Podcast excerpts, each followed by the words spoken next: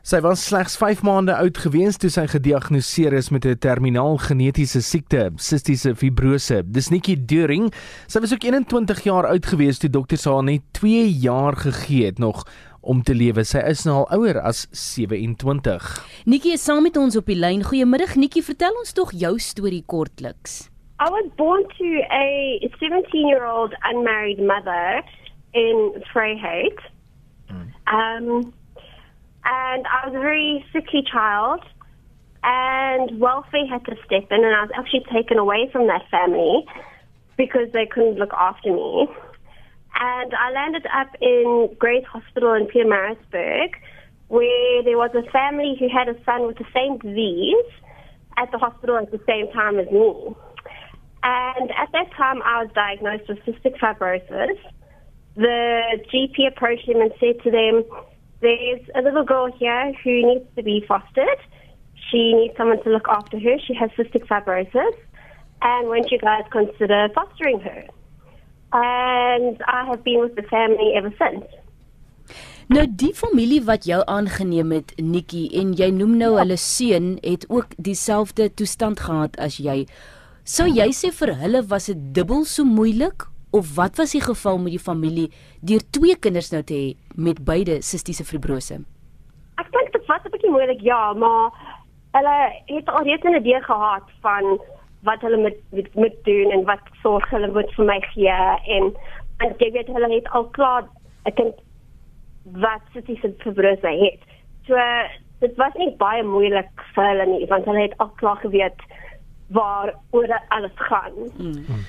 Nikki was 21 jaar oud gewees toe jy die nuus ontvang het dat jy net 2 jaar het om en by om te leef as gevolg van jou longkapasiteit wat 17% was op daai stadium.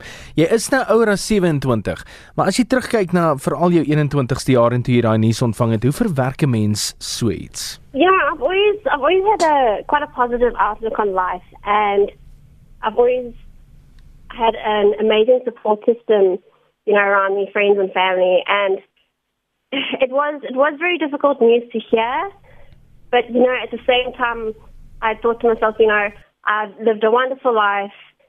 If it's my time, it's my time. You know, um, everything is in God's hands, and you know if it's God's will, it will be done. Yeah. Um, if it wasn't God's will for me to, you know, get this transplant, then things, you know, they would happen. Everything would fall in place, but if it didn't, you know, I, under, I understood that I've spent my life on this earth and I've done everything that I can according to His will, you know. Ja. Maar gelukkig Nikki het die lig aangegaan en 'n skenker het na vore gekom. Hoe was daardie oomblik? Jy sê toe ek die uh, die oproep gekry het, ek was ek was in skok. Ek het die foon neergesit en ek het my ouers gesê ek kan dit nie doen nie. Ek ek was ek was verskriklik bang. Weet jy, dis dis 'n uh, 'n massive besluit wat jy moet eintlik maak. Um ek het net nou vir my ma eintlik gesê niemand gaan verstaan nie. Um jy het 'n 50 50% kans op die tafel. Jy gaan dit maak mm. of jy gaan dit nie maak nie. Mm. Maar as jy nie die operasie gaan hê nie, het jy 100% kans dat jy gaan dit nie maak nie. So dis is 'n kans wat jy moet vat. Nikki, daar is uiteraard mediese onkoste betrokke uh, by jou op 'n daaglikse en weeklikse en maandelikse basis. Uh kantoorwerk is nie noodwendig vir jou 'n opsie nie, maar jy bedryf wel jou eie klein besigheid om uh, die kostes te probeer dek. The little fox is dis my klein besigheidjie want ek kan nie ek kan eintlik nie vir 'n ander mens werk nie want ek is nou in chronic rejection so ek is up um, ek gaan Joburg toe en dan dat terug Kaapstad toe. Um, so ek kan eintlik nie vir iemand werk nie.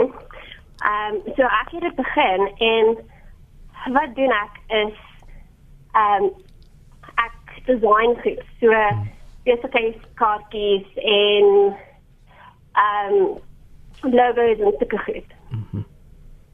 Maar mense kan gelukkig jou reis volg op Facebook Nikki. Vertel ons gou van jou Facebookblad. Well, ja, um, ek het 'n Facebook bladsy, so my storie en alles is daarop. So dis Um Fabulous and Fighting CF en ek redelik besig daarop. Ek sit amper elke dag ietsie op. Um en ek het ook uh dis dis van 'n 'n webwerf, dis Porky's People. En dis 'n charity groep hierso in KZN wat so baie goed vir my doen en vir ander mense doen. En my storie is eintlik daarop. So as jy op Porky's People gaan, dan het dit al die links na my Facebook bladsy en alles as iemand wil meer ligting uitkry. Uitvind. Nikki, en wat lê vir jou voor vir die res van die jaar? Uh, ons is nou al by die einde van Augustus, so wat lê vir jou voor vir die res van 2018? Die res van my jaar, ek gaan dalk in die hospitaal wees want ek moet uh wat die woord? Dis 'n 'n treatment kry wat jy neem photopheresis. So hulle vat jou rooi bloedselle en jou wit bloedselle en dan maak hulle jou bloedselle dood met UV ligte en alles. Mm -hmm. So uh, dit help om chronic rejection te probeer stop.